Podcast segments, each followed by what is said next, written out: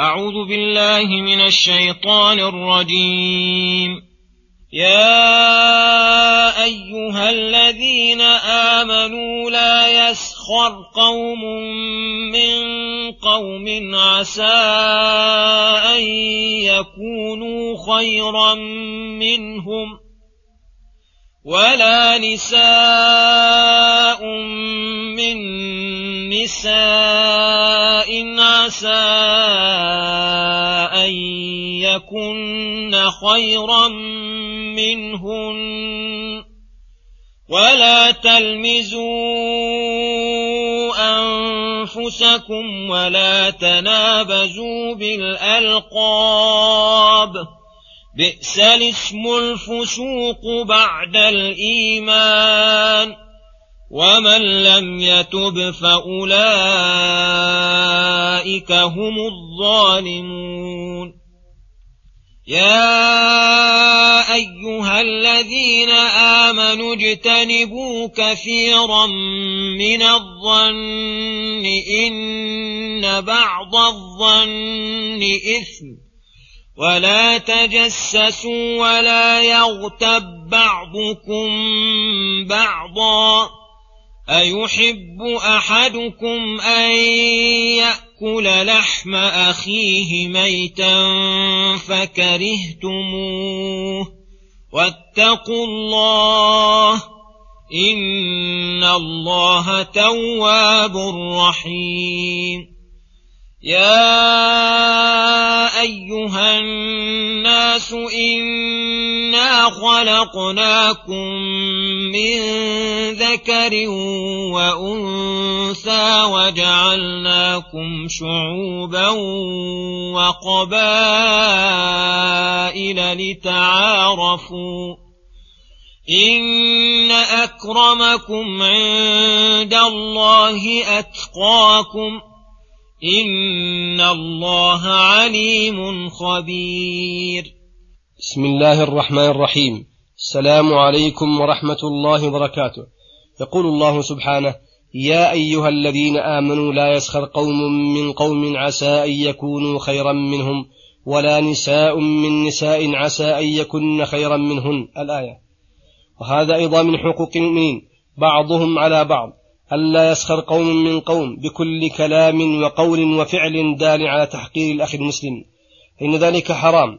لا يجوز وهو دال على إعجاب الساخر بنفسه وعسى أن يكون المسخور به خيرا من الساخر وهو الغالب والواقع. فإن السخرية لا تقع إلا من قلب ممتلئ من مساوي الأخلاق متحل بكل خلق ذميم متخل من كل خلق كريم.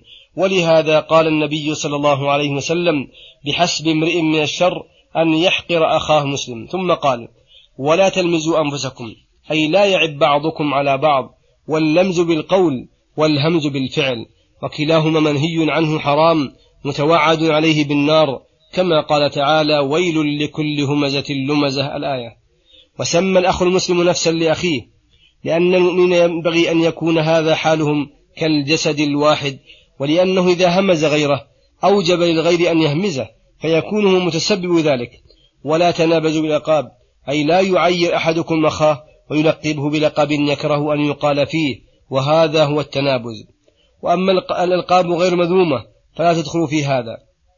بئس الاسم الفسوق بعد الإيمان أي بئس ما تبدلتم عن الإيمان والعمل بشرائعه وما يقتضيه بالإعراض عن أوامره ونواهيه باسم الفسوق والعصيان الذي هو التنابز بالألقاب. ومن لم يتب فأولئك هم الظالمون. وهذا هو الواجب على العبد أن يتوب إلى الله تعالى. ويخرج من حق أخيه مسلم باستحلاله والاستغفار والمدح مقابلة على ذمه. ومن لم يتب فأولئك هم الظالمون. فالناس قسمان ظالم نفسه غير تائب وتائب مفلح ولا ثم غيرهما. ثم يقول الله سبحانه يا أيها الذين آمنوا اجتنبوا كثيرا من الظن إن بعض الظن إثم. نهى الله عز وجل عن كثير من الظن السيء بالمؤمنين حيث قال إن بعض الظن إثم. وذلك كالظن الخالي من حقيقة القرينة وكظن السوء الذي يقترن به كثير من الأقوال والأفعال المحرمة. فإن بقاء ظن السوء بالقلب لا يقتصر صاحبه على مجرد ذلك بل لا يزال به حتى يقول ما لا ينبغي ويفعل ما لا ينبغي. وفي ذلك أيضا إساءة الظن بالمسلم وبغضه وعداوته المأمور بخلافها منه.